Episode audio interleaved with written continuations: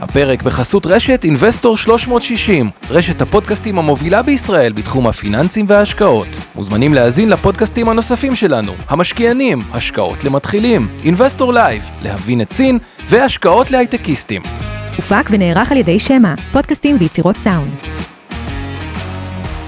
ערב טוב, עומר, אנחנו ערב מתחילים טוב, אה. את הסשן החדש. גם על לא הממשלה, לפני- גם על מאנדיי. אבל לפני זה יש לנו ג'ינגל שעושה את ההפרדה, אתה יודע, יש שם מבדיל בין קודש לחול, אז עכשיו אנחנו עושים ג'ינגל. לשמוע אותך אומר בין קודש לחול, וואלה, אחרית הימים מגיעה.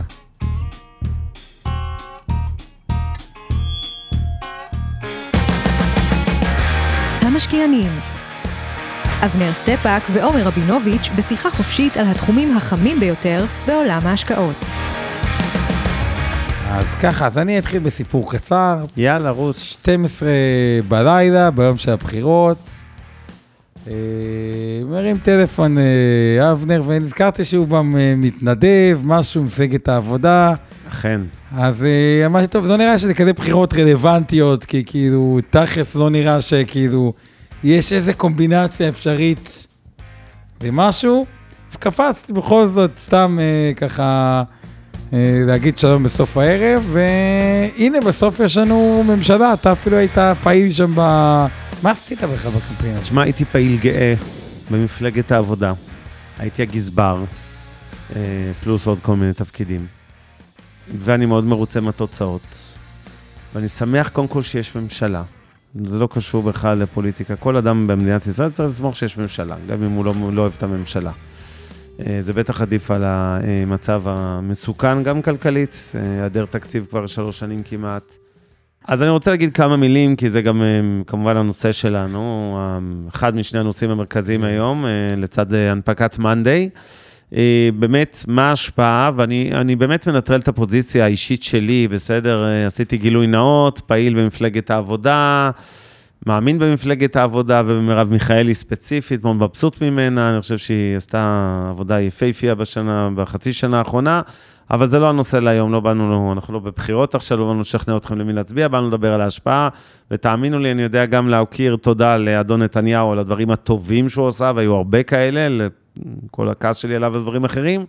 ומצד שני גם uh, להיות, uh, לבקר גם את הממשלה החדשה, כשנגיע לשלב שיהיה כבר מעשים ויהיה על מה לבקר. אז אני רוצה רגע להגיד כמה דברים לגבי המקרו.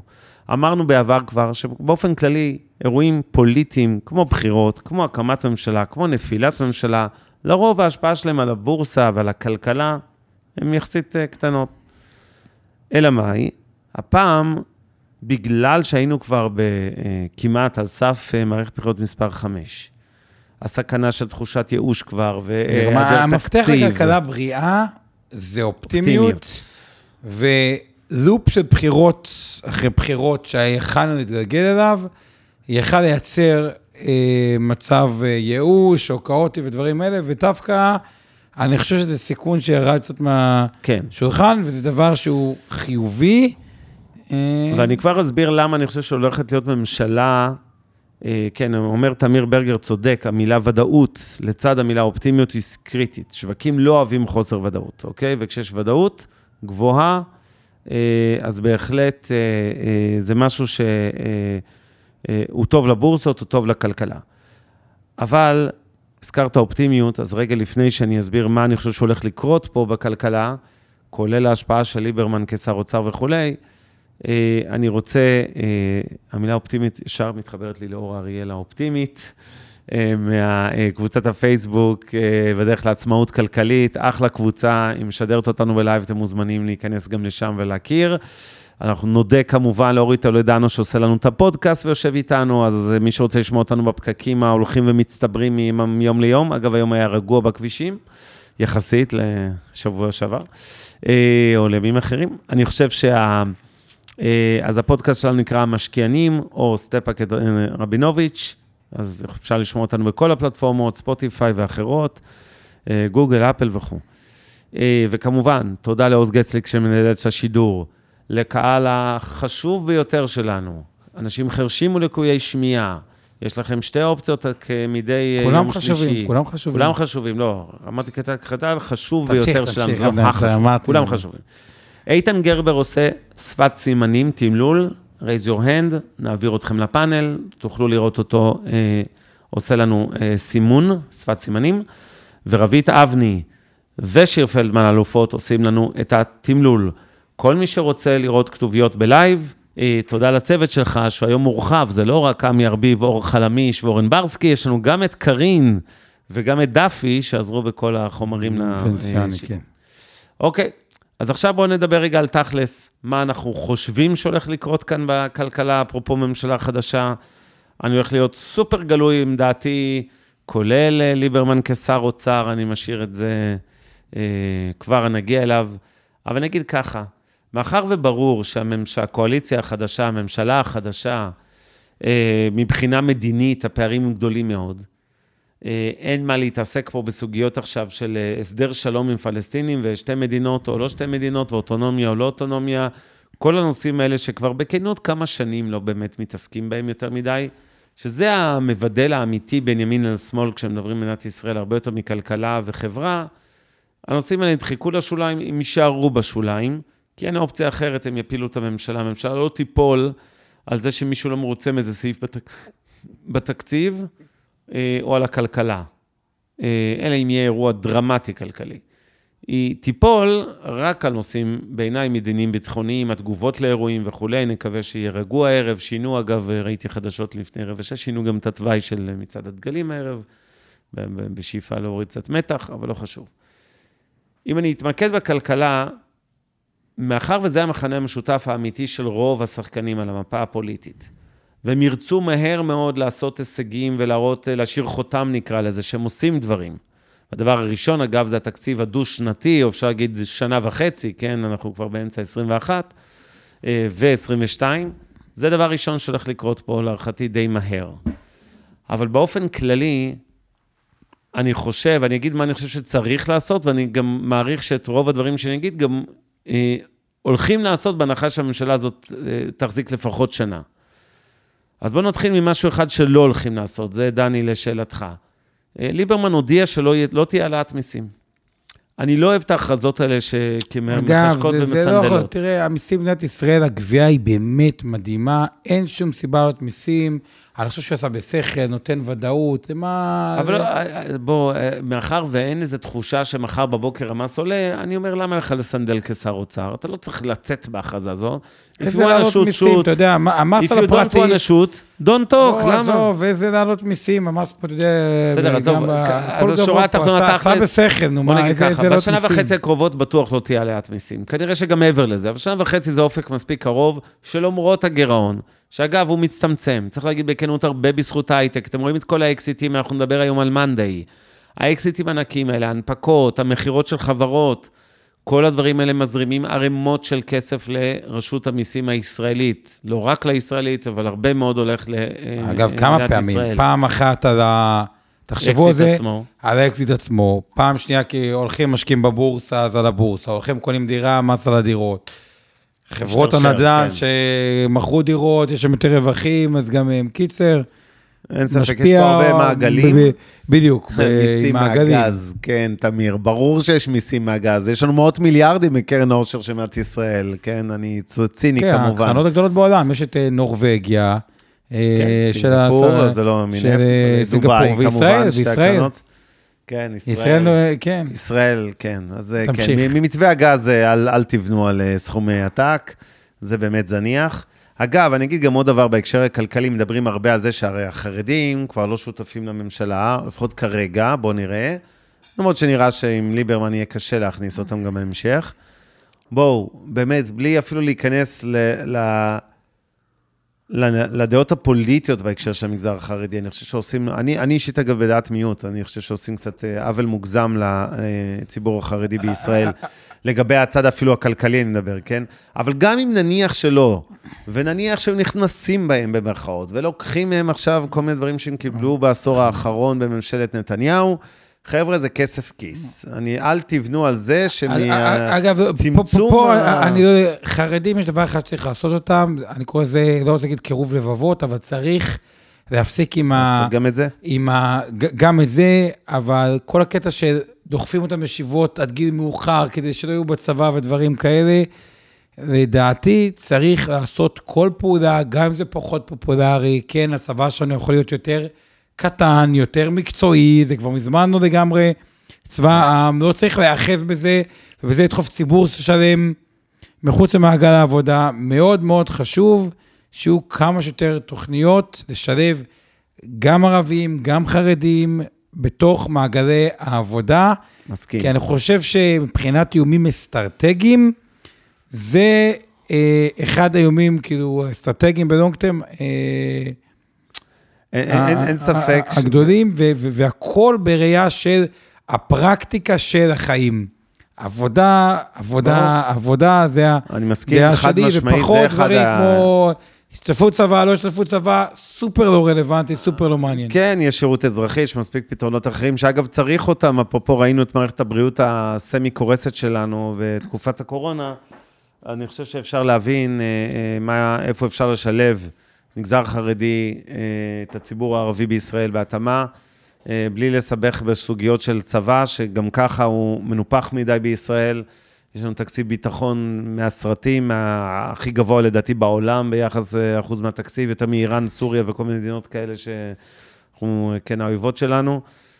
זה, זה נושא שלצערי לא יטפלו בו, תכף נגיע למגזר הציבורי, אבל תקציב הביטחון היותר מדי שמן של מדינת ישראל, צריך להעביר קיצוץ ולהעביר סכומים משם להוצאה האזרחית, למשרד החינוך, משרד הרווחה, לכל הדברים שהם החיים עצמם, כמו שאמר... וצריך בהקשר הזה לקרוא היסטוריה. נתניהו. ובהיסטוריה, אה, תזכיר לי, רומא, איך היא נפלה? מביף? מבפנים. מבפנים. כן. וכל האימפריות שהיו, הקריסה שלהם לא היו, כבשו אותם. אוקיי, האמת, גם קרה. ומחרייך. גם קרה שכאילו זה, אבל פחות. רוב האימפריות קרסו מבפנים על רקע אה, כן. חברתי-כלכלי, אה, וזהו, ככה עובדה אז- ש... אני, אני, אני מסכים, ולכן העניינים של החברה והכלכלה הרבה יותר מהותיים בעיניי מאשר נושא הביטחון, ולכן גם בעיניי היה צריך לקצץ בתקציב הביטחון, להעביר כספים להוצאה אזרחית, זה, זה פשוט הזוי המצב בישראל. אבל זה קשור אה, לכל משרות ישראל, זה לא קשור, וזה כנראה גם לא יקרה הפעם. ושוב יסבירו לנו, דקה לפני דיוני התקציב, על האיום החדש באיראן, ועל המצב הזה, ועל חיזבאללה, ועל עוד אלפיים טילים, וכרגיל יהיה כותרות כאלה הפחדה, ואז יסבירו למה אי אפשר לגעת בתקציב הביטחון, בזמן שאפשר לקצץ בהרבה מקומות אחרים.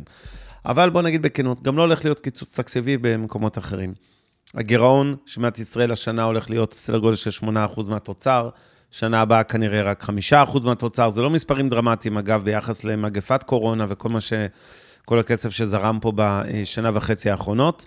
מדינת ישראל תדע להתמודד איתו, במיוחד שהיא נכנסה למשבר הזה עם רמת מינוף של המשק הישראלי יחסית נמוכה, יחס חוב תוצר סביר, אז אני לא אה, מודאג מהעניין הזה. אה, אני כן חושב שהדברים העיקריים שהממשלה צריכה לעשות, ואני אומר צריכה, ואני מעריך שהיא גם תעשה, לא כי היא מקשיבה לאבנר סטפאק, אלא כי באמת זה דברים של common sense, שגם עולים הרבה בתקשורת לאחרונה.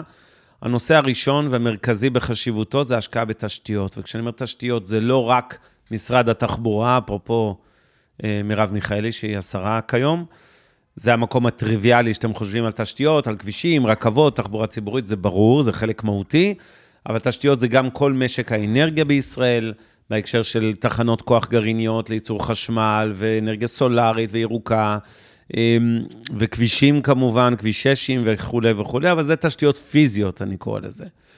לפני בערך חמש שנים, כשעשו סקר השוואת ישראל למדינות ה-OECD, שזה הקנה מידה להשוואה שלנו, היו חסרים בישראל השקעות תשתית של בערך תשתיות פיזיות, שוב, אני מדגיש, כ-100 מיליארד שקל, כדי להגיע לממוצע העולמי, לא להיות אה, מצטייני דיקן. היום, אני חושב ש... אה, וכמובן, אה, דני מזכיר בצדק, גם תשתיות תקשורת, תקשורת פיזית, כן? בסופו של דבר, לדעתי, היום הפער האמיתי הוא 150 ל-180 מיליארד, אולי אפילו 200 מיליארד שקל. לא להיבהל במספרים האלה. אני כן חושב שמדינת ישראל יכולה, בתוכנית סבירה, בתוך 4-5 שנים, להדביק את כל הפער הזה, וזה האתגר הראשון בעיניי של הממשלה החדשה.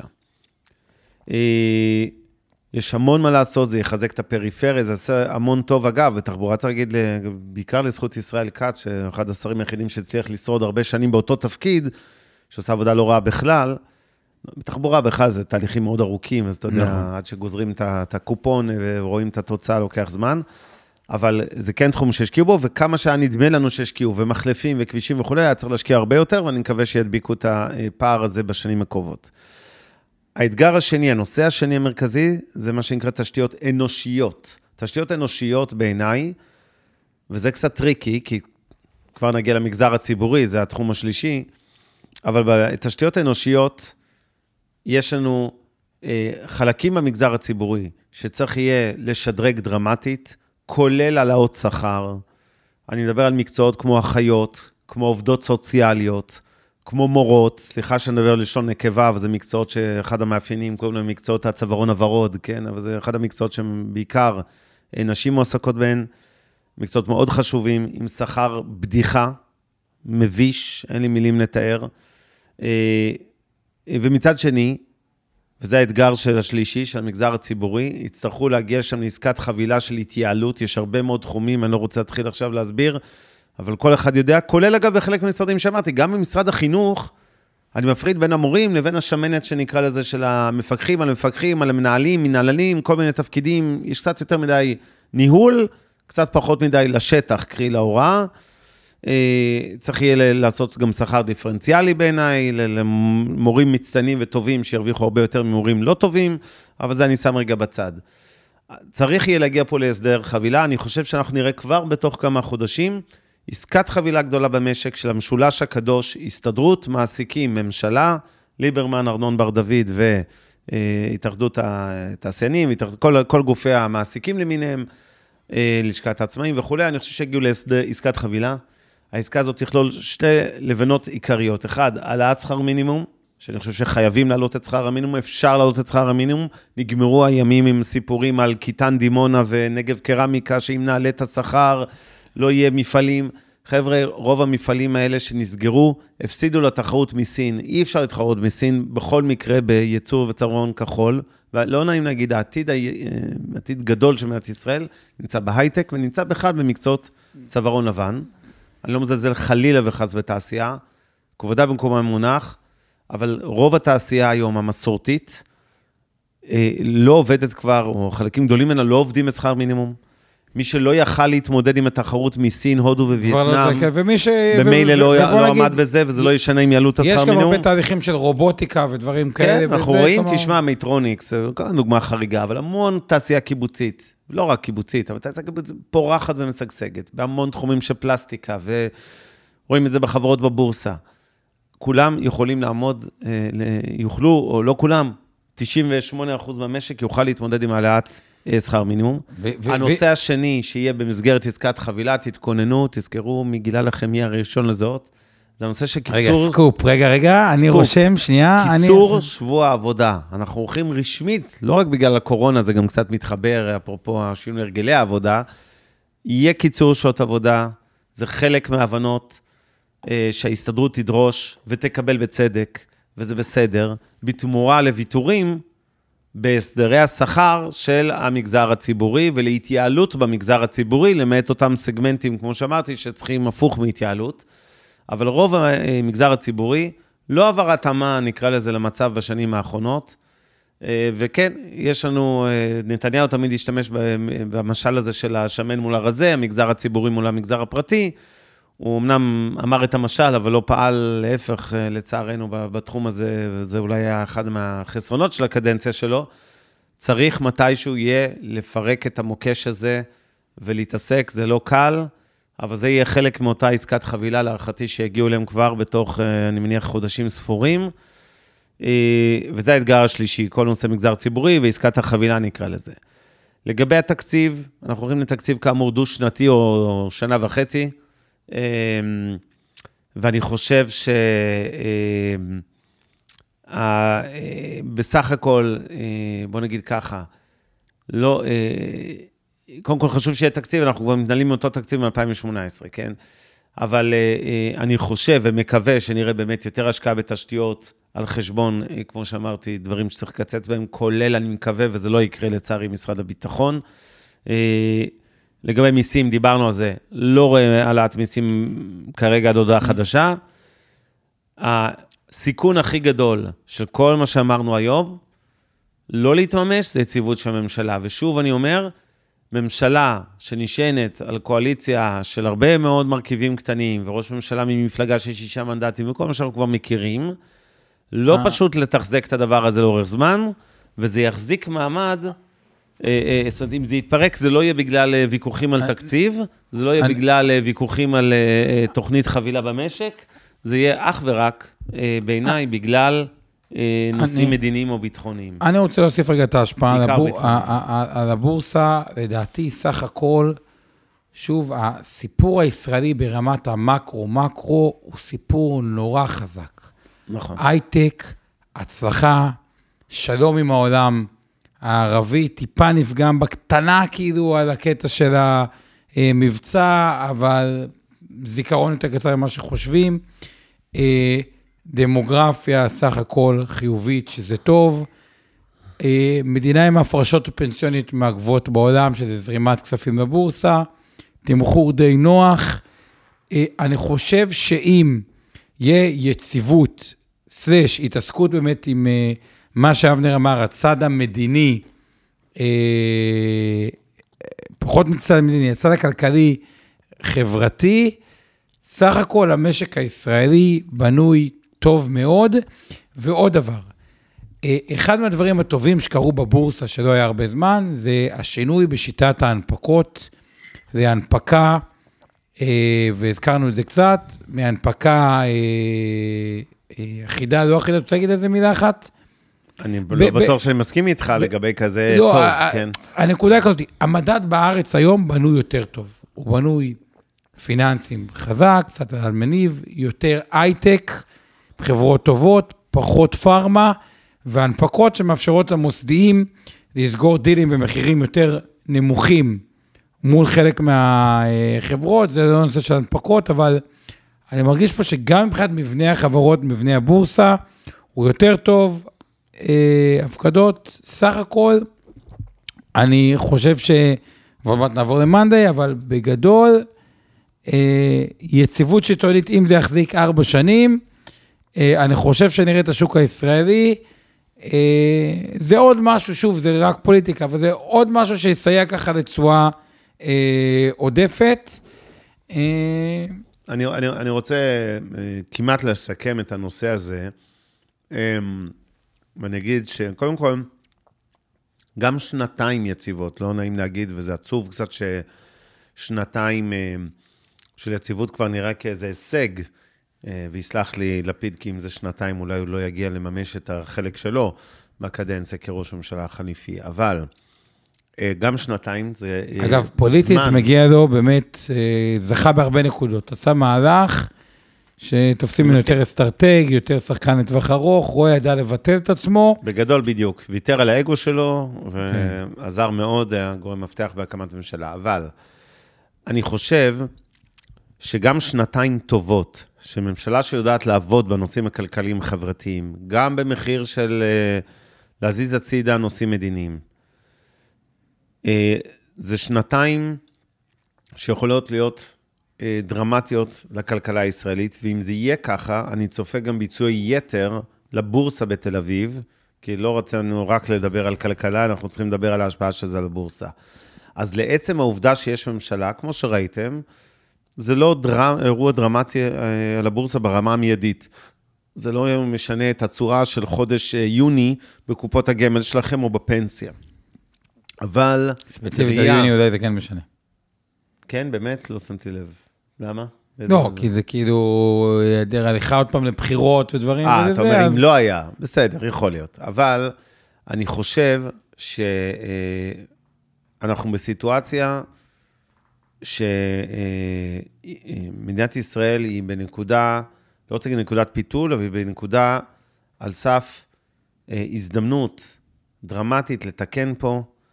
אני חייב להגיד, בלי קשר באמת לעובדה שאני מפלגת העבודה וכל זה, אני מסכים מאוד עם מה שדני אה, מעלה פה, יש סוף סוף שרים שמתאימים לתפקידים שלהם, שיש איזה רקע, יש איזה קשר בין מה שהם עסקו בחייהם לבין מה שהם עושים, אנשי מקצוע יותר, פחות אה, מינויים פוליטיים אה, עלובים, כמו שראינו לצערי בחלק ממשרדי הממשלה.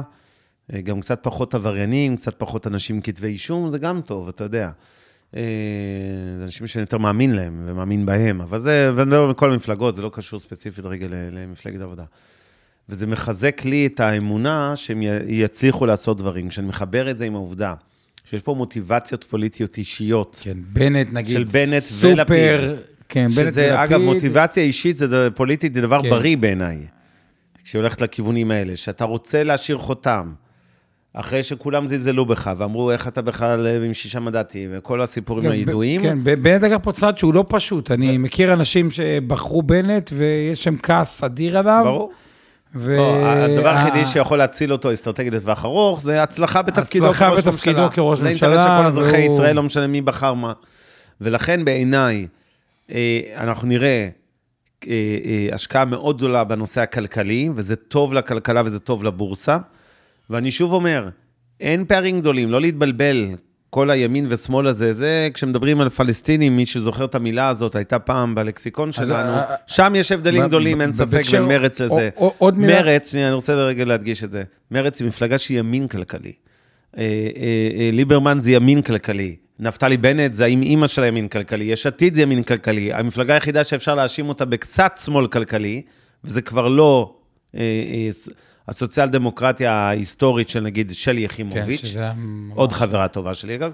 אה, לא מרב מסכים. מיכאלי יותר, נקרא זה ימין כלכלי משלי, עדיין, בוא נגיד, זו מפלגה שלי קצת יותר טוב, רק סוציאל בהקשר הזה, דמוקרטית. כל הסוציו-דמוקרטיה אה, ו- והדברים האלה. כל הממשלה הזו בהיבט הכלכלי היא ממשלת ימין, היא לא ממשלת שמאל. אני ראיתי מה קרה בניו יורק עם ראש ממשלה שהוא סוציאליסט, זה באמת ראש מאוד. ממשלה, מה התכוונת? לא הבנתי. הראש עיר, סוציאליסט, כן. בוא, אנשי ממשל צריכים להיות pro-business ולהבין קצת, business, בלי זה יש הרבה בעיות, ואני חושב שזה שבנט הוא גם היה, אפשר לקרוא לזה איש עסקים, או, או. הייטקיסט, מצליח. הייטקיסט, מצליח. אה, דבר סופר חיובי, ובכלל אני רוצה להגיד, הציבור אה, הדתי, אה, אה, התפיסות הכלכליות, כאילו הם... אה, ימין כלכלי זה דבר שהוא טוב מאוד לבורסה, בלי קשר לדעות של כל אחד. אה, אנשים שלא מבינים ביזנס, שיושבים בממשלה, זה האנשים שיכולים לקרות בעיות בלי שהם מבינים שהם גורמים בעיות, ולהרוס דברים בלי שהם מבינים שהם הורסים דברים. אה, ומהבחינה הזאתי, אה, בוא נגיד ככה, אני- אני- אני- אני מה- אני יוצא אופטימי בהיבט אחד. אה, הפוקוס הולך להיות על כלכלה. ואם אה, זה יהיה הפוקוס, אה, זה אומר שכנראה יעשו הרבה מאוד צעדים כלכליים. מקווה ומאמין שרובם יהיו טובים למשק סקטור ולבורסה. התקשורת, אגב, מעניין, כי כל הרפורמות הסיביים ודברים, כן. וכל האינטרנט בישראל שהוא לא דברים כאלה, אני חושב שגם פה אה, ייתנו פה אה, גז, ובהקשר הזה, יכול להיות בהקשר מעניין קצת אה, לראות לאן זה יתפתח, הוא בזק שם עם הסיבים וכל הדברים שחיכו אה, לתחום הזה, אבל זה ככה... כן. אוקיי. אה, אז מה שאני אה, רק אגיד אה, בהקשר הזה, זה ש... אה, אה, חושב שיש פה סיכוי לביצועי יתר, נקרא לזה. אז הממשלה החדשה לא משנה כלום למחר בבוקר, בסדר? לא להיום, לא למחר, לא לחודש יולי. בהנחה שהיא תשרוד, זו לא הנחה ודאית כמובן, לתקופה של לפחות שנה-שנתיים, לא אומר את כל הארבע, חמש, ארבע, סליחה. אה, אם היא תשרוד את זה, זה כן יחלחל גם לבורסה, ואני רוצ... מאמין שמדינת ישראל, הבורסת בתל אביב, שילוב של צעדים ממשלתיים עם המגזר הפרטי, בעיקר דגש על הייטק, שגם ככה, בזכות עצמו, הייטק לטוב ולרע, מגזימים קצת, כן, ב... יש נטייה לראשי ממשלות ושרים לקחת בעלות על מה שקורה, על כל ההצלחה הישראלית בהייטק. במקרה הטוב, ממשלות לא מפריעות להייטק, במקרה הגרוע הן אז- גם אז עושות אני אומר, אם צרות. דיברנו על הייטק, בוא- בוא בוא נתחיל לעבור אחרי ממאנדי יאללה. ודברים כאלה מבחינת. הזמן. הגיע אה, הזמן די. יאללה. אז קצת מכפילים. אה, אוקיי, אז בואו. נדבר בדיוק אנחנו קצת מדברים עכשיו אה.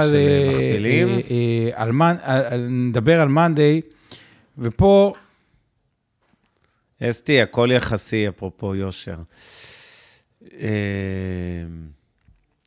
ואם ראית את הנאום של אה, שטייניץ, אז כן, התשובה היא כנראה שכן. אבל אה, בסדר, נשים בצד. כנראה שאסתי ואבנר יסכימו שהם לא יסכימו. כן, כן, כן. אה, מהיכרותי עם שניהם, גם זה, אני חושב שהסכמה... אה, רגע, עוד עוד מילה, עוד משפט. אני חייב, כי דפני העל- העלתה את אחד הנושאים שהכי חשובים לי בעולם, זה אנשים עם מוגבלויות. והיא שאלה, האם אני מעריך שיעלו את קצבת הנכים. לדעתי, הפעם, אחרי שנים של קשקושים, סיפורי סבתא ומעשיות, זה כן הולך לקרות. אני לא יודע אם זה יקרה בפול, אה, כן, בעוצמה המלאה. גילוי נאות, אני תומך אה, גם כלכלית בחצי נכה, לא חצי בן אדם. אלכס המדהים שמוביל את המיזם הזה, אלכס פרידמן, מי שמכיר, אה, מראשי ארגוני נכים. אני כן חושב שהפעם יהיה אגב- בסיס משותף לעשות את זה, צריך להעלות את קצבאות הנכים, ואני מאוד מקווה שזה יקרה. אגב, הערה ועכשיו- לגבי זה רק, אם עושים כן. כל מיני קצבאות, לפעמים אומרים לבן אדם, אם אתה עובד, אתה לא מקבל את הקצבה. כן. אוקיי, זה הייתה לי, זה טעות, זה טעות. כלומר, צריך לאפשר זה למי חוק שמקבל לרון, אני יכול להרצות לך עליו שעות, כי אני בקיא בו. חוק מפגר או טוב? הוא- בבסיסו טוב, כי לפני שהוא היה קיים, המצב היה הרבה יותר חמור, כי עבדת, ראית נכה, ועבדת איזה חודשיים בחיים שלך, ואז אמרו, אה, זה כמו אלה שעושים מבחנים ביטוח לאומי, שולחים לא, צריך חברת-" אה, ש- שיאפשרו לקבל משכורת, כאילו... אני מסכים, זה נושא כבד לא להיום, אני לא רוצה לסטות. טוב, בואו נמשיך, אז בואו נמשיך. יש מה לתקן. גם בזה אני קודם מבטיח כל, בואו לעזור. תראו את היופי. מדינת ישראל, מתחילת השנה, תל אביב 90, פלוס 15 וחצי אחוזים, תל אביב 35, גם 13.8, נסטה כבר בפלוס 10, S&P פלוס 13.3, גרמניה פלוס 15, אה, בריטניה, יפן פלוס 7.3, סין פלוס 2.4, קצת מאחורה. אגב, לדעתי, די מעניינת. אבנר, רק טיפה... אה, כן, אה, סליחה. אה, תזיז. הודו פלוס 13.7, בריטניה פלוס 11, אה, מהבחינה הזאתי, תשואות מאוד יפות. תשואת אג"ח ירדה. מדברים על אינפלציה, תשואת אג"ח ארה"ב על אחוז וחצי, הייתה אחוז שש, אם אתם זוכרים, אה, אה, בפודקאסטים הקודמים. שוב, התזה הבסיסית בישראל אחוז נקודה שתיים, יפן אפס, אין כלום, גרמניה מינוס 0.3. התזה הבסיסית, אה, קודם עלייה דרמטית בתשואות האג"חים לכיוון השתיים, שתיים וחצי, אין אלטרנטיבה מניות, זה שם המשחק היחידי בעיר, לא רואה שמשהו נפגם בזה. מכפילי רווח, S&P 21, אה, לא נמוך אה, ברמה ההיסטורית, אבל לא הזוי. לא, אה, די יציב, אגב, כבר 28. כמה שבועות, מי שעוקב אחרינו, על הטבלה המצוינת שאתה כן. מקפיד להביא לנו כל שבוע כבר מעל שנה, ישים לב שלא היה הבדל גדול כבר אה, תקופה, ואפילו ראינו אותם בעבר במכפילים יותר גבוהים, למרות שהרמות המחירים יותר נמוכות, פשוט הרווח גדל מאוד, וציפיות הרווח גדלו עוד יותר. גרמניה 15, בריטניה 13.1, הודו 21, סין ב-15, יפן ב-16, כלומר סביבת מכפילים לא זולה היסטורית, אבל גם לא מחוץ לנורמה, ועדיין נראה יותר טוב מאג"ח, וזה מוביל למסקנה פשוטה, קודם כל צמצמו באג"ח, מניות עדיין נראה סביר. שוב, נושא אלטרנטיבי על חשבון אג"ח הוא נושא שהזכרנו אותו לא מעט. עכשיו אני כן רוצה לדבר רגע לקראת ההנפקה של מאנדיי. בסוף המטרה שלנו במניות היא לעשות מעבר לממוצע. אה, ו- וכן חשוב לי להדגיש שהממוצע כשלעצמו הוא די טוב. כלומר, כן. כן. בסוף הממוצע במניות הוא 8, 9, 10 אחוזים לשנה, זה לא מעט, אבל אנחנו רוצים לעשות, או שואפים לעשות, מעל הממוצע. ובשביל לעשות מעל הממוצע, יש בסך הכל שתי סיטואציות שאני, אה, אה, אה, עובדות לי מאוד מאוד טוב לאורך הרבה מאוד אה, אה, שנים. אחד, זה הנושא של מה שקורה אה, השקעות טקטיות, כלומר, זיהינו משהו שעל פניו נראה זול, ואנחנו מבינים את הטריגר לעלייה, והבאנו פה את הדוגמה של מניות הבנקים, שהיו, אה, הם היו מתחת להון העצמי, 0.7 על ההון העצמי, אה, או במחיר זול.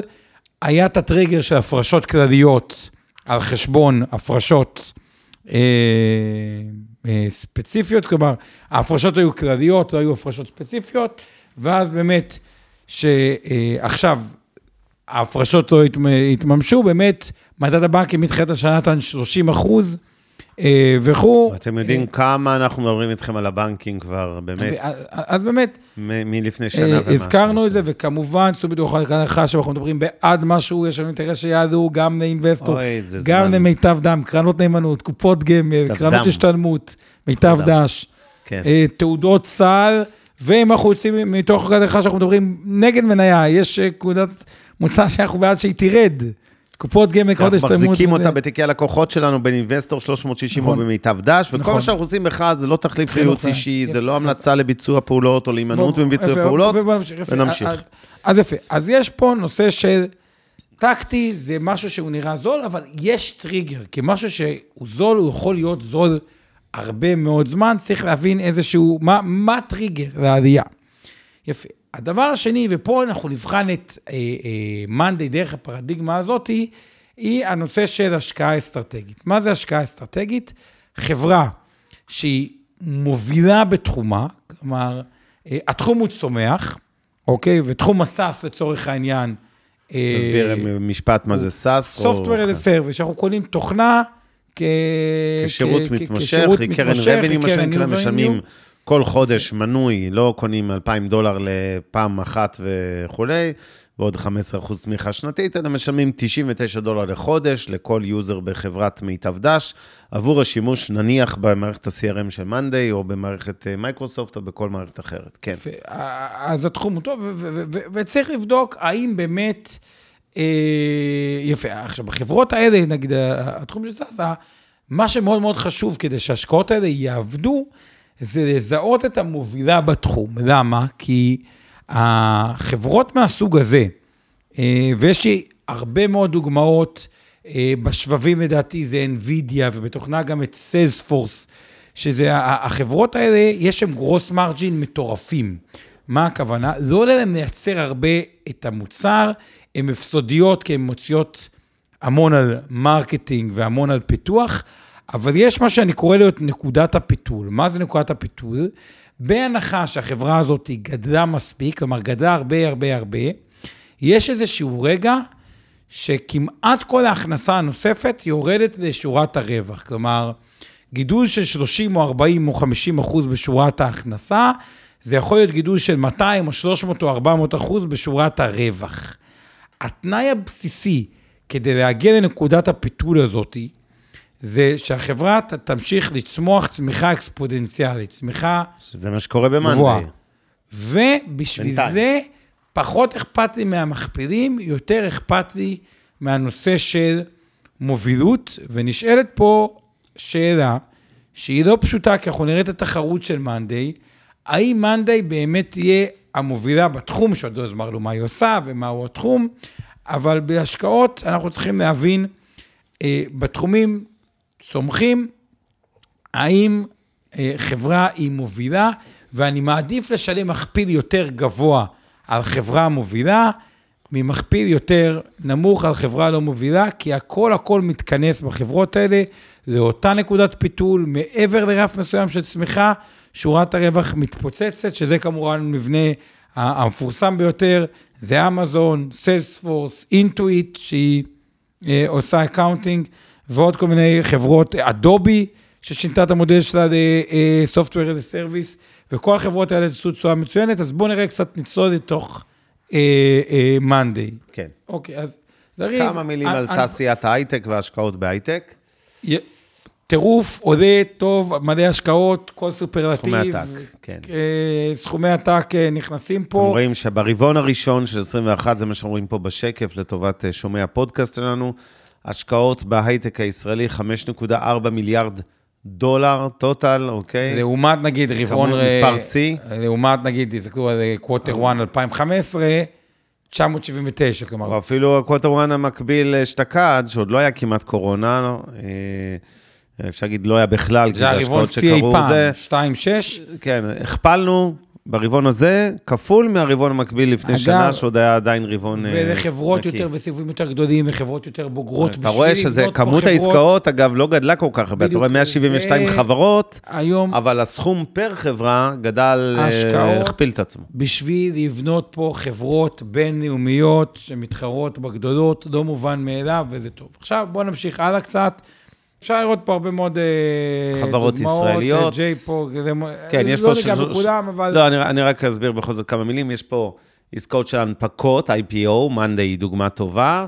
WalkMe הקטגוריה- out, Web, Global... אה, Outbrain, כן, הרבה מאוד, JFrog, למונייד כמובן, משנה שעברה עדיין. ספאקים, שזה הדרך השנייה להנפיק חברה, זה סוג של reverse merger, לוקחים חברה פרטית, ממזגים אותה לתוך שלד בורסאי שנקרא ספאק, זה Special Purpose כן. Acquisition Company. איירון למשל, איטורו, שגילוי נאות, אני בדירקטוריון ובעל מניות, אנחנו עושים את זה דרך ספאק. השווי היה 10-4, הוא כבר לדעתי מעל 12 היפו, מיליארד בתחום דולר. הביטוח, אגב, המנכ"ל של היפו, שהתראיין ב-Invest Like the Best, נתן לדעתי פודקאסט מעולה, כן. אה, על הקטע של ה insurance, על ה home insurance, אבל ה basic, basic, basic idea שהוא מדבר עליו, שזה בהרבה חברות, לשים את ה user במרכז. כלומר, גם פה היפו זה בתחום הביטוח, והרבה חברות, כלומר, עבדו יותר product, ופה עוברים ליותר user אה, במרכז, אבל... קיצר, והקטגוריה, רק אני אשלים, הקטגוריה השלישית של עסקאות שאנחנו רואים פה בשקף, והיא קורית הרבה בהייטק, זה M&A, זה רכישת חברות ממש, לא השקעה בחברה, אלא קניית חברות. עכשיו, הרבה פעמים, קניית חברות כזאת, יכולים להגיד, אוקיי, מה יצא למשק? פעם אחת קיבלנו מיסים. פעם שנייה, היתרון הגדול בחלק מהמקרים, לא בכולם, שהרבה פעמים הסטארט-אפים האלה שנקנו על ידי כל מיני חברות בעבר, טקסס אינסטרומנטס שרכשה את באטרפליי וכולי, הפכה את הסטארט-אפים הישראלים האלה להיות R&D center, מרכז הפיתוח שלהם, לפעמים עולמי לתחום מסוים, והרבה פעמים אותו סטארט-אפ, זה קרה לי השבוע עם זיקית, מכרנו אותה לוולמארט, זה, דיברנו על זה כבר, חברה בתחום האופנה או טכנולוגיה של אופנה. אה, אה, חלק מהמטרה בעסקה הזאת של המכירה, מעבר לזה שוולמארט כמובן רצה את הטכנולוגיה, זה כמובן של התשתית של חברת זיקית, שהיא לא חברה ענקית, עם כמה עשרות עובדים, הולכים לגייס, לא אכנס למספרים, זה תוכניות שלהם, מספר מאוד מרשים של אנשים, והולכים להפוך את זה למרכז פיתוח של וולמארט בעולם. וזה כמובן תרומה בלי קשר מצוינת למשק הישראלי. אז גם כשאנחנו מדברים על M&A, יש הרבה ביקורת כזה, לא, כולם בישראל רצים למכור חברות, להבדיל ממאנדיי שמנפיקים ומפתחים חברה, וויקס ופייבר וחברות שלקחו אותם ככה, אה, באמת לצמוח, להיות ענקיות הייטק. אז ה-M&A כביכול זה היזמים החמדנים שרק רצו את הכסף, לא, גם לזה יש תרומה גדולה למשק. אגב, זה גם יש היגיון עסקי, כי בדרך כלל מה קורה? החברה עם המובילות, שזה מה שאנחנו רוצים לנסות לעשות בהשקעות, היא יכולה לצמוח לחברה בינלאומית גדולה. אבל מה קורה עם החברה השנייה בתחום? כלומר, או השלישית בתחום. הרבה פעמים, או כאילו הפתרון שלה טיפה פחות טוב, ושוב, זה ההבדל הגדול. טיפה פחות טוב זה לא טוב. למה? כי הכל הוא, הוא נע סביב היום קונקטיביות. כלומר, הכי גדול מצטרפים, הכי, הפתרון הכי טוב, יותר אנשים, יותר אנשים, יותר API'ים. API'ים זה חיבוריות לעוד חברות, והרבה פעמים, מספר 2 או 3, מה עושה? חברה אחרת, היא קונה את החברה כדי שתוכל להציע אה, bundle. קצת מזכיר שסיילספורס היו צריכים לתת fight למייקרוסופט, אז הם קנו את סלק כדי שיהיה להם מתחרה אה, אה, מסוים. אז הרבה פעמים החברה עם הפתרון הטוב ביותר תצמח לחברה, והחברה עם הפתרון השני הכי טוב תירכש על ידי אחת החברות הגדולות. אוקיי. בוא נמשיך, הלאה. אמרנו. השקעה אסטרטגית זה למצוא תחום טוב עם חברה מובילה, טקטית, דיברנו על זה כבר מהבחינה הזאת. בואו נמשיך הלאה, נחדד. אז בשביל זה שהשקעה אסטרטגית תהיה טובה, אנחנו צריכים, אחד, להבין לעומק אה, תחום פעילות, להבין לעומק אה, שתחום פעילות הולך לתמוך בצורה משמעותית, להבין מי החברה המובילה בתחום, להתעלם מהמכפילים ולרוץ עם האסטרטגיה, או לשים פחות דגש על המכפילים. ושוב, ההבדל בין הראשון לשני הוא עצום. כולם זוכרים את האימפריה הכי גדולה בעולם, החברה אחת הגדולות בעולם היום יאו, לעומת גוגל, אז יאו לא כל כך קיימת, גוגל... קיימת, אבל בזכות הליבאבא והחזקות אחרות. אוקיי, עזוב, השקעה טקטית, בואו נמשיך הלאה, אבל הזכרנו את זה בהקשר של הבנק. הלאה. הלאה, יפה. אז מה בעצם... מאנדיי, מאנדיי, עזוב אותי, טקטיקה ואסטרטגיה. אז מאנדיי. בואו נתחיל מהחלק הלא טוב במאנדיי. קודם כל, כמה מילים על מה מאנדיי עושה, לפני שאתה כבר מה טוב ולא טוב, כן. מאנדיי בעצם מערכת לניהול משימות. היא סוג של מערכת הניהול משימות, רגע נראה את כל שילוב של המתחרות שלה. CRM עם מערכות ל-HR, project management, נותן לך דשבורדים, אה, יכול לעשות את ה-to-do list שלך עם צוותים וחלוקת משימות וכולי. בדיוק, יש מה שנקרא אה, CRM, יש מה שנקרא וואטסאפ ארגוני, שזה יותר Slack לצורך העניין, מאנדיי, מערכת הניהול משימות, אבל היא לא נמצאת בוואקום, ופה כן חשוב להבין, ותכף נראה את הדבר המדהים שהם עשו. דרך אגב, שקף למעלה, לא, לא, לא. יפה, אז בסביבה הזאת זה לא שוק, זה, יש את טרדו, שזה מערכת כן, אה, ניהול משימות, מכיר. אגב, חינם, יש הרבה חברות פרויקט, סמארט שיט, ג'ירה, קוויק אפ, אה, סביבה מאוד מאוד עמוסה בהמון המון חברות. ומה שמדהים ב-Monday, שהם הגיעו לתוך כל הסביבה התחרותית הזאתי, ובתוך כל הסביבה התחרותית הזאת הצליחו לצמוח כמו... להתבלט בצורה מאוד טובה. אז לא מספיק שיש את כל השוק הצפוף הזה. גוגל ראתה את ההצלחה של התחום הזה, גם מה זה הצלחה? גם גוגל לעצמה צריכים מערכת לניהול כן, משימות אז למה לא נמכור אותה בגוגל. גם לאחרים? כבר אומרת, רגע, למה שכבר אני לא אשיק בעצמי? וגוגל השיקה את טייבלס, שזה כלי חדש של ניהול פרויקטים ומשימות בארגון, והוא כמעט זהה למוצר הבסיסי של מאנדיי. כלומר, הם מקבלים תחרות גם מהקיים וגם משחקני ענק שנכנסים אה, אה, לתחום. אה, אז מכפילים מאוד גבוהים, עם תחרות מאוד אגרסיבית, ובואו נדבר על הסיכוי שבאמת להובלה. אז בואו נמשיך קצת הלאה. אה, אגב, מודל מנוי, ככה אפשר לראות... זה אה, ה subscription, מה שקוראים, כן, מודל?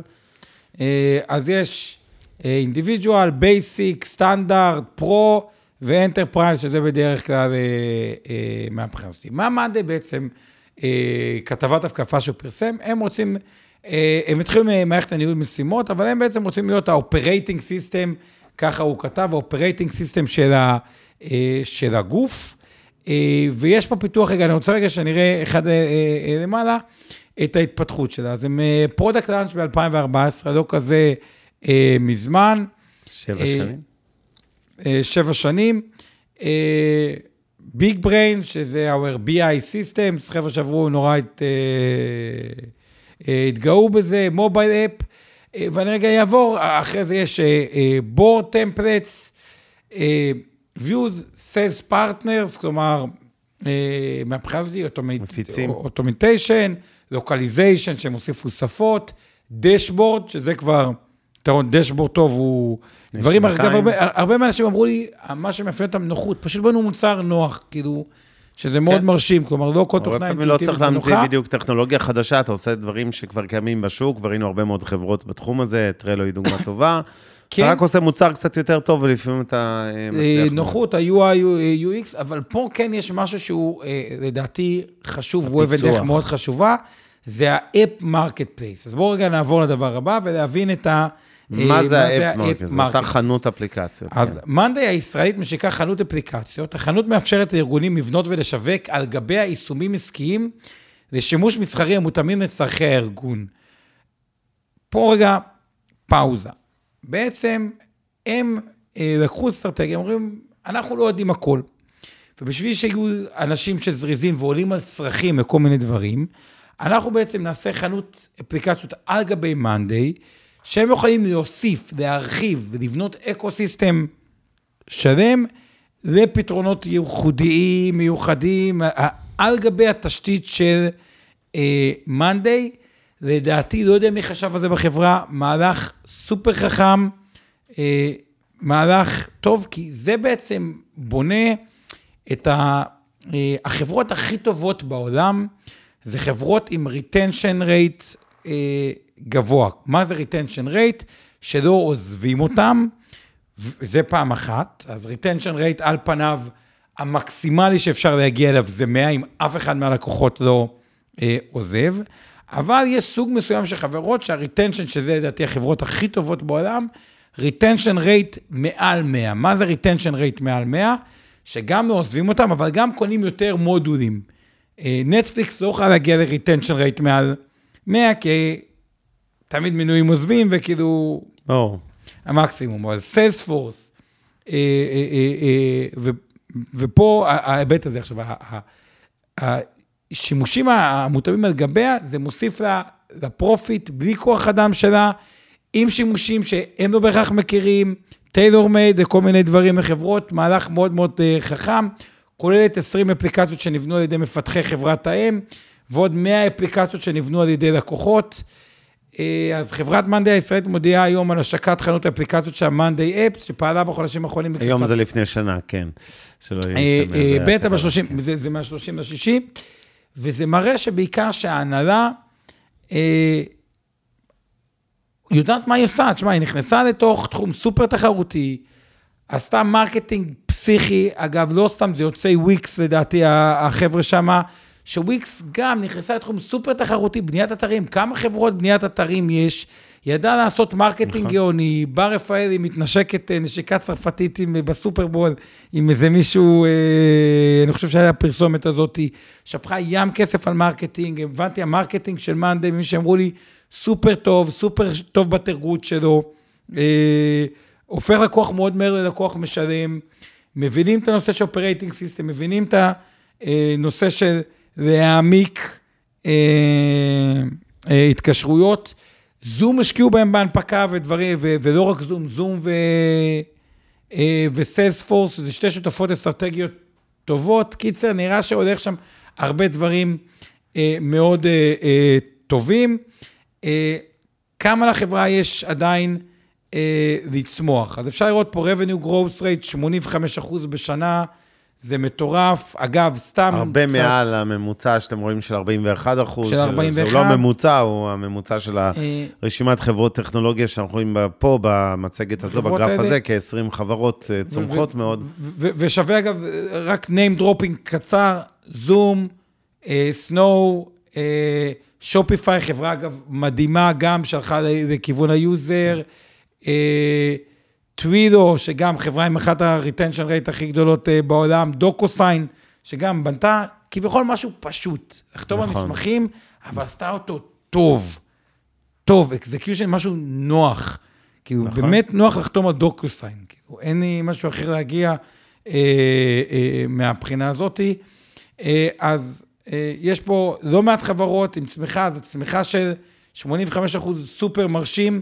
אה, נעבור הלאה, אז אפשר לראות שמהכנסות של 2015, אה, 6 אה, מיליון, צמחו לקווטר 1 2021. כן, זה קצב שנתי, צריך להגיד את זה, ה-335, אז זה לא ההכנסות לרבעון, זה הקצב השנתי, כן, של ההכנסות, זה רבעון ראשון כפול 4, או אפילו טיפה יותר, זה כי זה היה נדמה לי 59 מיליון דולר ברבעון הראשון, אבל בכל אופן, אתם רואים חברה שבאופן חריג, צומחת בשיעורים פנטסטיים בכל קנה מידה. יש באמת מעט מאוד חברות ישראליות שראינו משהו שמתקרב לזה מתקרב בצמיחה. לזה, אז...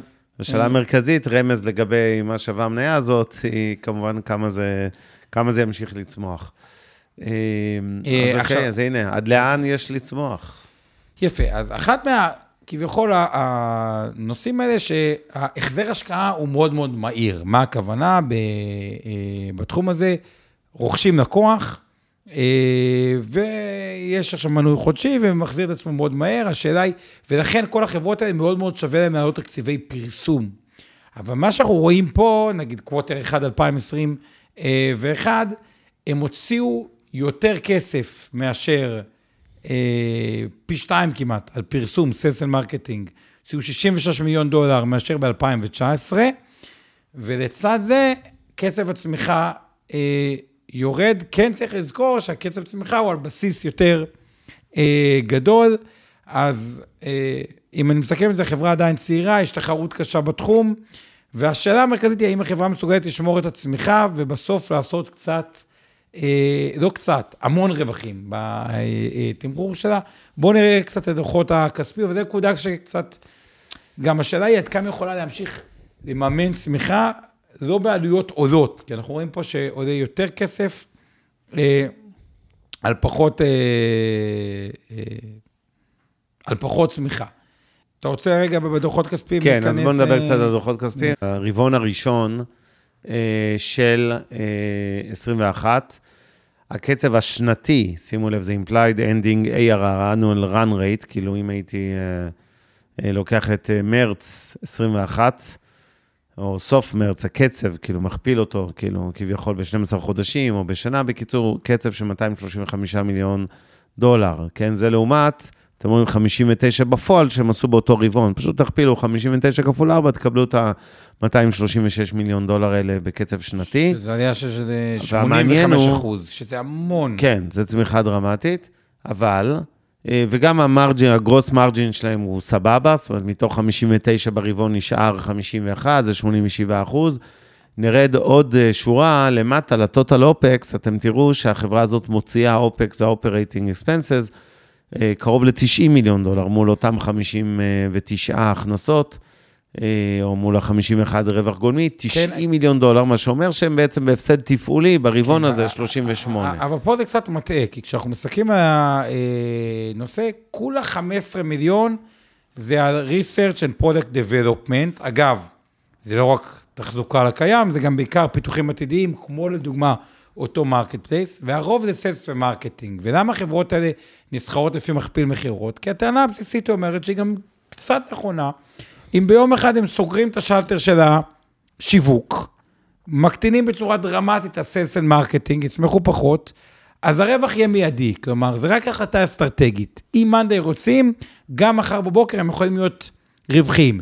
הם לא עושים את זה, כי שווה להם להשקיע. בדיוק, עוד בצמיחה. נגעת בלב, ב holy grail של כל הדיון הארוך הזה על מאנדיי. והוא תקף, אגב, לכל חברה דומה בעולם מעולמות ה SaaS, כמו וויקס, כמו אחרות. מה בעצם החברות האלה יש להן? שסתום ביטחון נקרא לזה, שהן אומרות, אוקיי, כמו שאמר עומר, בשלב מסוים, אחרי שהצמחנו את החברה דרמטית, ואני לא יודע, השלב הזה יכול להגיע גם עוד חמש ועשר שנים. תשימו לב מה קורה בוויקס, חברה שהפסידה כל חייה וממשיכה להפסיד, ו- או סביב האפס, אבל זה לא איזה מספרים דרמטיים. אבל בקרוב זה ישתנה, תראו גם. בוויקס, כי זה כן, כבר... כן, ועדיין היא שווה אה, תמיד דו-ספרתי, כן, זאת אומרת, מעל עשרה מיליארד דולר וקרוב ל-20. למה זה? כי האנליסטים אומרים, אוקיי, נכון שכרגע, אם נסתכל לאחור, החברה הזו הפסידה, וגם אם נסתכל קדימה, שנה, שנתיים, שלוש, החברה הזאת, נניח מאנדיי, תמשיך להפסיד. ואפילו בקצב גדול, אתם רואים שהיא סיימה את שנה שעברה בהפסד של 150 מיליון דולר, וגם ברבעון הראשון של 21 זה קצב הפסד של בערך 150 מיליון דולר.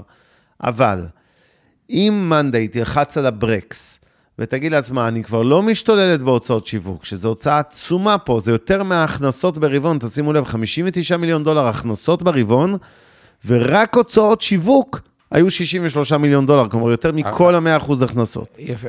עכשיו, פה שנייה, אני רוצה להכניס עוד מושג מאוד מאוד חשוב, שנקרא Unit Economic. מה זה Unit Economic? זה בעצם בא ואומר, בואו נראה את המנוע של מאנדיי או של כל חברה דומה.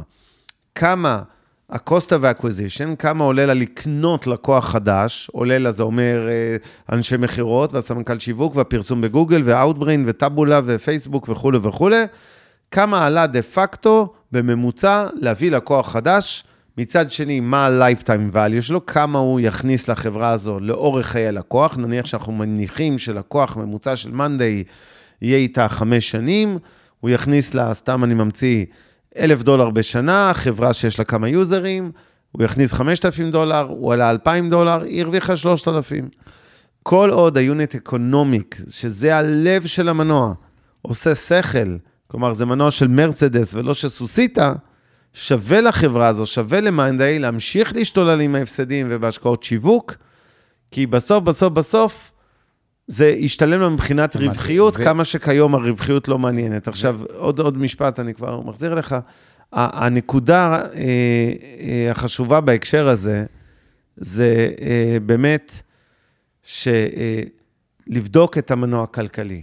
זאת אומרת, אם אנחנו לוקחים, ניקח את אוסם ובמבה, אם הייתם אומרים לי, תשמעו, במבה הולך לייצר, לייצר שקית במבה, נניח, אני ממציא, זה לא נכון, אבל עולה שקל, ומוכרים אותו ב-90 אגורות, ברור שלא הייתם אומרים שיש איזה היגיון להגדיל את ההכנסות ולצמוח, כי זה רק לה- להעמיק את ההפסדים, זה בעצם מכונה גרועה מאוד, זה מנוע גרוע, ושוב, כמובן זו לא הדוגמה במציאות, זה סתם פיקציה, במבה הוא מנוע מצוין, אבל פה יש למנוע טוב, בעולם התוכנה, בסך הכל, יחסית עלויות רכישת לקוח הן לא מאוד גבוהות, הלויאליות, ה stickiness היא גבוהה, בטח מערכות כאלה, תחשבו שהטמעתם את זה עכשיו באיזה חברה עם 200 עובדים, ויש צוותים שלמים שעובדים עם המאנדיי הזה, והמשימות שלהם במאנדיי, וכבר התרגלו ל-UI ול-UX של לעבוד עם התוכנה הספציפית הזאת. לא פשוט להחליף מערכות כאלה, כמו ש-CRM לא מחליפים בקלות. זה בדרך כלל לקוחות נשארים להרבה שנים. אה, ה stickiness הוא גבוה, זה אומר שאפשר גם לגבות בדרך כלל איזה מחיר יותר גבוה עם השנים, מחיר שהולך ועולה על הדבר הזה. ולכן, במובן הזה לפחות, יש היגיון. איפה הבעיה שלי? אני כבר מקדים את ה... אנחנו עוד מעט נסיים וכולי, אבל איפה הבעיה שלי עם חברות כמו מאנדיי? זה חברות שמאוד מאוד קשה לנתח, כי לציבור המשקיעים, כולל אנליסטים, אני לא מדבר רק על אה, אנשים שעכשיו צופים בנו או מאזינים לנו ומשקיעים אה, לצורך העניין בטריידים למיניהם, מאוד קשה, א', לזהות באמת באמת את המנוע, לנקות את כל רעשי הרקע מהמנוע הזה ולהבין תכלס, האם הם לא סתם משתוללים בשיווק בלי הבחנה ובלי היגיון, או שזה צמיחה בריאה, ההשתוללות הזו בשיווק. וב', כמו שכבר רמז פה מישהו, אפרופו הכניסה של גוגל, וסיכונים תחרותיים, בואו, בסוף הם לא לבד שם מאנדיי. ואם משהו משתבש, מה הבעיה של החברות האלה? בגלל שהן מסחרות בשווים מאוד מאוד גבוהים, מאנדיי, ההנפקה הזאת מאוד מוצלחת, החברה עלתה כבר בעשרות כן. אחוזים, נסחרת בשמונה וחצי, נדמה לי מיליארד דולר, נכון היום היא יצאה בשש שמונה, אה. שנייה כבר. אה, העלייה החדה הזאת, והעובדה שהחברות האלה נסחרות בהרבה מיליארדים, למרות שהן מפסידות כסף, כל טעות בתמחור שלכם, בהנחות העבודה, במודל של אנליסט או של כל משקיע, במניות מהסוג הזה, לגבי תחזיות צמיחה, לגבי המנוע, אה, יעילות המנוע, זה ה-unit economic. אני חייב רגע לקטוע אותך. לא, לא, תקטע אותי עוד 20 שניות. כל טעות כזאת יכולה לעלות במניות מהסוג הזה בעשרות אחוזים של צניחת המניה. לא שאני פסימי, אני רק אומר, שם את זה על השולחן. אז אני רוצה להגיד לך פה משהו אחר. אני לא לגמרי מסכים עם אבנר, אני חושב שגם, יותר מזה, זה נורא קל לבוא ולהגיד, אבנר, אה, טוב, עם כל הדבר הזה נורא קשה לנתח. ופה אני חושב שדווקא יש הזדמנות, להרבה אנשים לקחת את זה, כל אחד מהתחום שלו, ואני אגיד לכם למה אני מתבאס שלא השתתפתי בהנפקה, ורגע אני אגיד לכם את הטעויות הכי גדולות שאני עשיתי בעולם ההשקעות, אבל רגע, אני רוצה לחזור לעוד איזה שתי אה, נתונים, שהם מרשימים, ואז לגעת רגע באיזה נקודה. אחד, זה הגידול המטורף שיש להם, תעלה רגע שקף למעלה, בכמות enterprise שמשתמשים בהם. כי enterprise לא כן. נוטה לנתק תוכנות, וה stickiness שלו עוד יותר כן. אה, אה, אה, גבוהה. אה, ומה שרואים פה, net dollar retention, עם ליוזרים מעל עשרה יוזרים, כלומר, חברות עם מעל עשרה יוזרים, זה 121 אה, אחוז, כלומר, הן מוסיפות פיצ'רים ומשלמות יותר לאורך זמן. ופה אני רוצה להגיד רגע שאת הזווית הפרסונלית בהשקעות. ולמה אני בהשקעות, הדבר שאני הכי דואג כל הזמן שאני נפגש עם לקוחות ומשקיעים, כל אחד בתחומו, להקשיב להם. כי מישהו שבהייטק ועובד עם מאנדיי, ואומר, זה יותר נוח מדברים אחרים שאהבתי, יש פה יתרון מאוד מאוד גדול. כי בסופו של דבר, אמיתי, שחושבים על זה ו-keep it simple, כמה מערכות ניהול אה, משימות יש צורך שיהיו בעולם? 50, 100 או 10, או 3. עכשיו, יותר מזה, מערכות הניהול משימות היום, ופה אני רוצה להכניס מושג חדש שנקרא קונקטיביטי. הקישוריות מאוד מאוד עלתה. מה הכוונה בקישוריות? חלק מהמשימות, או שאתה רוצה להוסיף את הזום, או את הדוקוסיין, או את כל הדברים האלה. זה אומר שאת כל ה-APIים האלה, לא רוצים לבנות סביב מלא שחקנים, רוצים לבנות סביב מעט שחקנים. זה אומר שאמיתי, אין הצדקה להרבה אה, שחקנים, ועוד דבר, בעולם של מה שנקרא AI, שהוא לא מאוד מפותח וזה יותר Buzzword היום, אבל סזו, האמת כבר לא Buzzword, הוא יותר מפותח מהדבר הזה, אבל אומרים אותו על, אה, כמעט על כל דבר. אבל כשאנחנו לוקחים בחשבון את הנושא של Salesforce, תחשוב כמה טרנזקציות, היא, Salesforce היא 20% משוק ה-CRM בעולם, כמה תהליכי מכירה ודברים הם רואים, ואז הם מוסיפים לך גם פיצ'רים של תובנות. שתובנות יכול לתת רק מי שיש לו כמויות אסטרונומיות של דאטה. כן. הוא יכול לראות, אגב, כמו שלדוגמה, בשוק ה-IRA, אתם לדעתי, הכי גדולים בארץ, אז עם הזמן נכון. תוכלו לתת דאטה, תובנות על כל מיני התנהגויות, לראות מה, נכון. מה קורה שם ולנתח את זה. חוכמת המונים כזאת, כן. בדיוק, ואמיתי, אין, אין הצדקה להמון שחקנים בתחום הניהול הזה. ובסופו של דבר, אה, באמת יש הבדל ענק בין מספר 1 ו-2 לכל השאר. ומספר 1 ו-2 מאוד מאוד ישגשגו, וכל השאר פשוט לא כל כך רלוונטיים, אוקיי? ובסוף, בתחום הסאס, במיוחד, מספר 1 ו-2 פשוט קוצרים את הקופה, היתרון התחרותי שלהם עוד יותר גדל לאורך זמן. כי מה שקורה, אה, רק יש יותר API'ים, יותר פיצ'רים, יותר התממשקויות אליהם, יותר תוכנת אפליקציות, בדיוק כמו שיש באפל ובגוגל, את כל האפליקציות כן. שעובדים דרכם, ועכשיו אפל גוזרת גם על פורטנייט 30 אחוז. זה חלק, אגב, מהגאוניות של מאנדיי, שהיא עשתה קצת open architecture, פתחה את הארכיטקטורה שלה, אמרה, ל- לא רק היא עצמה פיתחה אפליקציות נוספות לרוחב, אלא היא עודדה את הלקוחות שלה, של הלקוחות העסקיים, אמרה, אוקיי, אתם מפתחים איזושהי מערכת, בואו נשתף אותה עם כל הלקוחות שלנו, לצורך העניין, אם זה לא, כן, אם לא רגיש. ואז בעצם יש כבר, לא יודע, מעל 100 לדעתי אפליקציות שחברות פיתחו, חברות לקוחות של מאנדיי פיתחו בעצם אפליקציה שהיא יכולה לשמש גם לקוחות אחרים של מאנדיי, כן? נכון. בנישות ספציפיות, בדיוק כן. כמו שאפל מרוויחים אפליקציות אה, כן, זה החנות אפליקציות. בחנות אפליקציות שלהם. ואז אני אומר את הדבר הבא, הבעיה היא בתמחור הזה, או יותר מזה בית, כשמחיר הטעות הוא למחוק 90-95 אחוז מהכסף. גם לא הייתי אומר 50 אחוז, כי בעצם אם מאנדיי לא מובילה ולא תהיה בין הראשונות, אין לה כמעט הצדקה, כאילו, אז זו חברה שבקושי מייצרת רווח, תפסיק את הצמיחה, וכאילו, מין גיים אובר מאוד עצוב, כאילו, הרבה יותר עצוב ממה שחושבים. לא מינוס 20-30. ואם היא תהיה המובילה, זה יכול להיות רווחי עתק. ופה זה יותר סובייקטיבי. מי שחווה ספציפית את המוצר, ויודע להגיד ברמת סבירות גבוהה, כן, זה מוצר עדיף על פני התחרות, ויודע להסביר למה, ויודע להגיד שכנראה הוא מבין שהמוצר הזה, שככל שיהיה לו קונקטיביות, ויש הנהלה שהיא אג'ל, והוא באמת יותר נוח מאחרים, בהחלט שווה קנייה. אה, ומי שלא, אז יהיה לו בעיה, כי, כי, כי הוא גם לא ידע מתי לצאת מזה. טוב, אז מה השורה התחתונה שלך לפני שאנחנו עושים מרתון, אה, לענות רק לשאלות של אנשים? בחברות במחיר גבוה, או בתחומים כאלה, זה רק חוות משתמש. אתם חייבים מישהו, זה לא אנליזה של מספרים פיננסיים, זה אנליזה של לשמוע ממישהו או מכמה אנשים שהם יודעים להסביר למה המוצר הזה יותר טוב מאחרים, ואם לא השתכנעתם בזה, להתרחק. השתכנעתם, טוב, אז בואו נדבר על אה, קצת פידבקים של, אח- של אה, אנשים שאיתנו הערב אה, לגבי אה, ספציפית אה, מאנדיי, ואז נרוץ על השאלות. דני אומר שזה סיפור אה, די דומה ל Slack, אורי מסכים איתו. אה, למייקרוסופט יש כמובן יתרון, אם הם ירצו לדרוס את מאנדיי, הם יכולים. אה, ממאנדיי אפשר להיפרד, ממייקרוסופט יותר קשה להיפרד. נתן, אה, כשארגון מאמץ תוכנה מסוימת, הוא לא יחליף אותה ויעבור לאחרת, אפילו אם היא טובה יותר. יש נושא שהטמעת ארגונים, מערכות בארגונים, זה מה שדיברנו, זה כן, לוקח אבל הנה...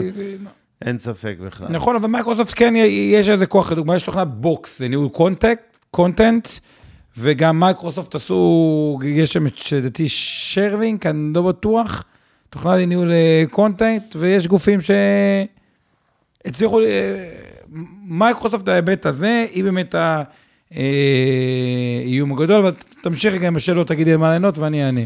אה, האם גוגל, שואל המוח, לא תוכל, אה, גוגל Teams, פשוט אה, אה, למחוק את זה, קצת כמו ששאלו על מייקרוסופט, אם זה לא ימחק את מאנדיי.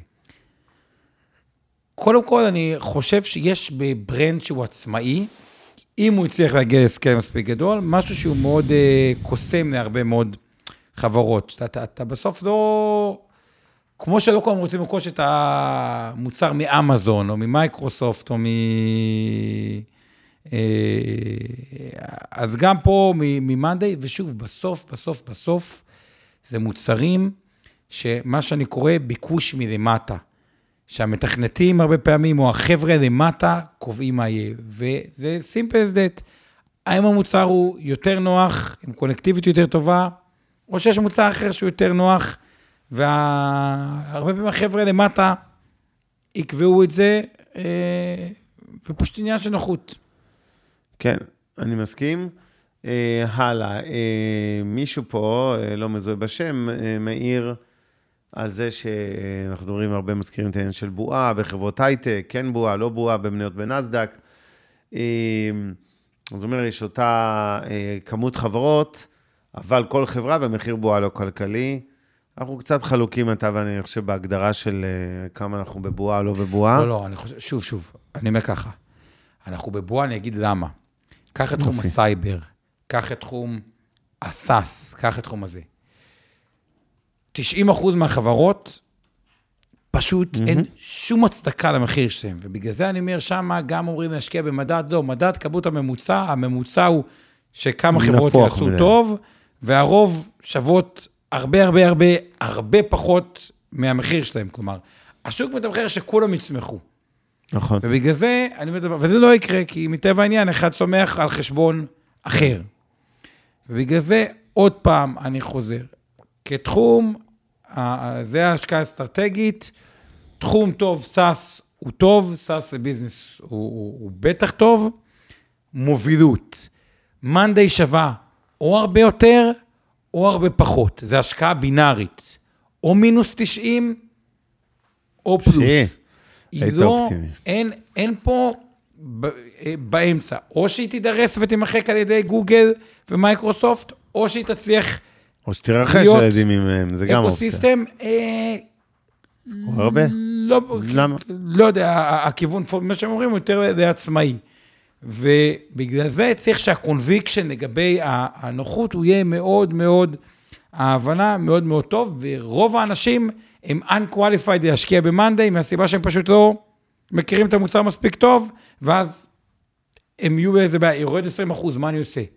כן. קונה או מוכר? מה אתה עושה שיורד 20 אחוז? ושיורד 30 אחוז? ושיורד 50 אחוז? או שעולה 50 אחוז? זה בדרך כלל אין ספק, זה חברות שקשה. ואני אתן את הדוגמה הכי טובה.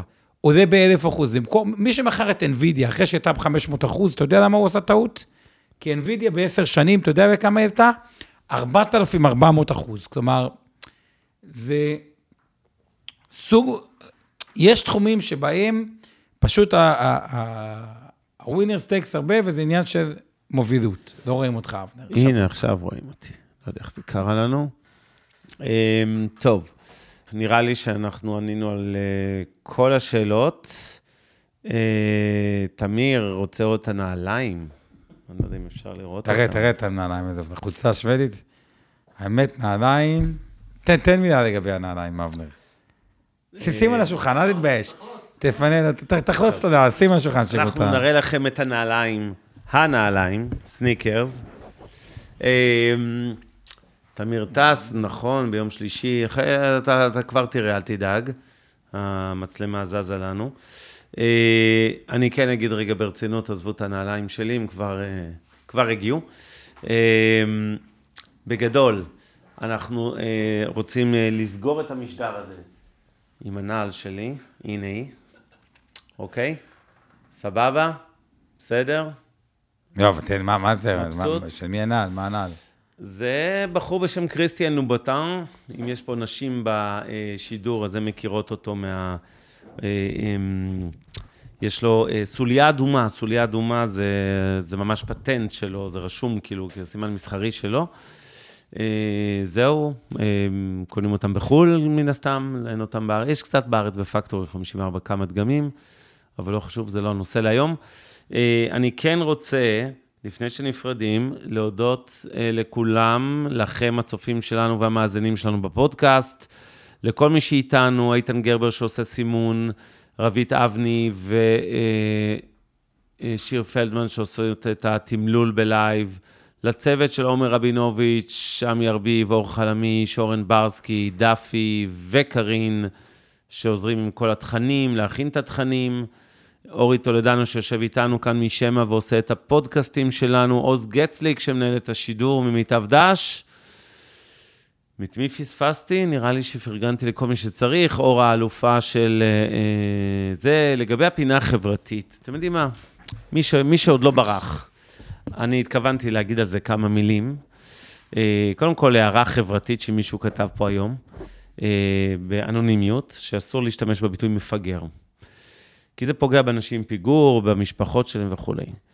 אז אם רוצים לדייק אנשים עם פיגור, אז יש שימוש, יש ביטוי של מוגבלות שכלית וכל מיני ביטויים, אבל באמת זה, זה קצת כאילו מוזר להגיד את המילים האלה. להבדיל מנכים, שגם לא אומרים אגב, ומשתמשים בביטוי אנשים עם מוגבלויות. אבל אני רוצה להגיד מילה, נגענו עם הרבה בהייטק, אז אני רוצה להגיד משהו, שאתה יודע, אני מסתכל על כל תעשיית האקזיטים המטורפת של השנה האחרונה, או שנים האחרונות, ומצד אחד, זה נורא כיף לראות ערימות של ישראלים מצליחים, לא רק אנשים שהקימו חברות, גם אנשים שעובדים בתפקידים, כולל ראשי צוותים של תוכנה, שבאמת מנצלים את הבועה הזאת, במובן הטוב של המילה, אני לא אומר את זה, זה, ועושים הרבה מאוד כסף לביתם ממכירה של חברות, מהנפקה של חברות, נתנו דוגמה היום של מאנדיי, יש אין סוף בדרך גם איתו, שאני מעורב במנפיקה, לא חסר. יש, אני חייב להגיד, לצד כל העושר והעושר בעין הרב שנובע מזה, כולל כמובן אה, הכספי מיסים וכל מה שזה עוזר לנו אה, למדינת ישראל, יש גם אלמנט שלילי אחד. אחת הבעיות שאני מסתכל קדימה, חברתית, זה יכול אנחנו הולכים לקיטוב חברתי דרמטי. חלק גדול מהסיבה שדירות בתל אביב, ולא רק בתל אביב, אבל עליית מחירי הדירות, זה החבר'ה האלה. אם פעם דיברנו על המשקיעים הזרים וכולי, בואנה, היום יש לך בתל אביב קבוצות רכישה שלמות של הייטקיסטים, שקונות דירות בחמישה ושבעה ושמונה ועשרה מיליון שקל לדירה, ומשתלטות על פרויקטים שלמים. אני מכיר דוגמה ספציפית עכשיו מאבן גבירול, ממש, מרוץ בין שתי קבוצות רכישה, הייטקיסטים בלבד.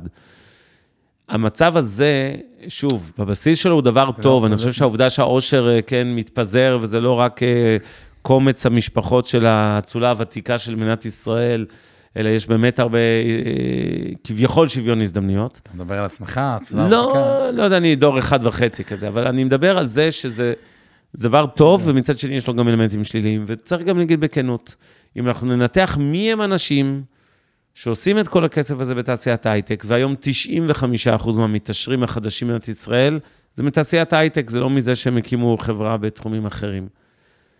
אבל אם ננתח מי הם, אנחנו נראה הרבה יותר נשים מרמת אביב, ומהרצליה, ומרמת השרון, ומסביון, ומשכונות טובות בערים אחרות, כפר סבא, רעננה וכולי, והרבה פחות מזה מהפריפריה החברתית והגיאוגרפית. וזה, לצערי, המחיר השלילי של התופעה הבסיסית החיובית הזאת של uh, הצלחת ההייטק. במדינת ישראל, הרבה יותר גברים מנשים, לא, יש עוד הרבה, הרבה, הרבה יותר אה, הבחנות וגם בתוך חברים, אפילו שני חברים עובדים בהייטק, כביכול עמדו אותו דבר הזה, אחד ממשיך לקבל את המשכורת המאוד יפה, והשני באמת, בגלל מזל. הסיכוי שלך להגיע ל-8200, של נער בן 18 מאופקים, שדרות, נתיבות, לוד, דרום תל אביב, אה, רמלה וכולי וכולי, אה, הוא בטוח הרבה יותר נמוך. זה מתחיל ממערכות חינוך, התחלנו את המפגש הזה על, אה, כן, השקעות ממשלתיות בתשתיות אנושיות. זה השקעה בתשתית אנושית. כשמדברים על השקעה בפריפריה, זה לא רק לשים תחנת רכבת באשקלון או בשדרות, זה לדאוג שאנשים שם יקבלו באמת הזדמנות שווה בלימודים אקדמיים, בכל מה שקשור ל, אה, ל, להצלחה. ואני מדבר, זה לא רק פריפריה, חבר'ה, זה גם אנשים מוגבלויות. שכמובן הם סטטיסטית אה, הרבה יותר עניים, אה, ונשים שבאופן כללי הרבה פחות מצליחות בהייטק, מקבלות תת-ייצוג דרמטי, נקרא לזה בהייטק, לעומת גברים.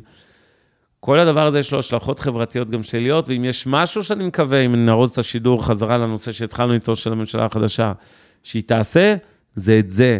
זה לרוץ ולהשקיע ערימות של כספים בצמצום הפערים החברתיים, אה, של כל הסקטורים המופלים לרעה, נקרא לזה ככה, וחלקם לא מופלים לרעה, אבל פשוט צריך לתקן. אתה דיברת על מגזר ערבי וחרדי, דוגמה, לשלב אותם יותר בתעסוקה. בואו, נשלב אותם בוא, בהייטק. מי שכבר היה לו מזל, תעשו טוב, קיצר, זה המסר. זה ה... תמיד נכון, אתם כבר עשיתם זה... כסף, הרווחתם כסף. תעשו טוב, תתרמו, תעשו כסף, ואופיר ארזי, מתמודדים איתי מצוין. כי זה בדיוק העניין, מפלגת העבודה, הוא שואל פה איך מסתדרים עם קפיטליסט כמוני. אפשר להסתדר עם קפיטליסטים, כי גם, בוא, יש קפיטליזם קשוב, קוראים לזה, אבא שלי אפילו הקים עמותה כזאת. אני חושב שבסופו של דבר, התפקיד שלנו, בעלי ההון שעושים כסף, לא משנה אם זה בהייטק, בשוק ההון או בתחומים אחרים, זה לא איך אנחנו מרפדים את הילדים, נכדים ונינים ובני נינים שלנו שיקנו אה, דירות בכל מדינת ישראל, זה לוודא שאנשים אחרים שלא זכו להיוולד ל... או להצליח בעצמם וכולי, אה, יוכלו לקבל את ההזדמנות הנכונה, וזה עושים דרך תרומות ודרך התנדבות והרבה דברים אחרים, ואני מקווה שכולם... אה, שהרבה מאוד מהתעשיית ההייטק הזאת שעכשיו חוגגת, תזכור גם להזכיר, להחזיר לחברה הישראלית, לא רק במיסים, זה החלק הקל, אלא גם הרבה אה, מעבר לזה בשנים לאחר מכן. תעשו טוב, ריבית דריבית. שיהיה לכולם לילה טוב, תודה לכם. אנחנו ניפגש בשלישי הבא כרגיל, שיהיה לילה מקסים. לילה טוב לכולם. מעוניינים ללמוד יותר על עולם ההשקעות? האזינו לפודקאסטים נוספים שלנו. המשקיענים, אבנר סטפאק ועומר רבינוביץ' בתוכנית אקטואלית עם כל מה שחם בעולם ההשקעות. Investor 360 Live, אורן ברסקי ועומר רבינוביץ' מארחים את בכירי שוק ההון ומבינים את הטרנדים החשובים לשנים הקרובות. להבין את סין עם יובל ויינרב, עם כל מה שרציתם לדעת על הענקית מהמזרח, השקעות להייטקיסטים עם צח איציק, שיבנה איתכם תוכנית כלכלית להגשמת החלומות שלכם, והפודקאסט להשקעות למתחילים, לכל מי שעושה את צעדיו הראשונים בעולם ההשקעות.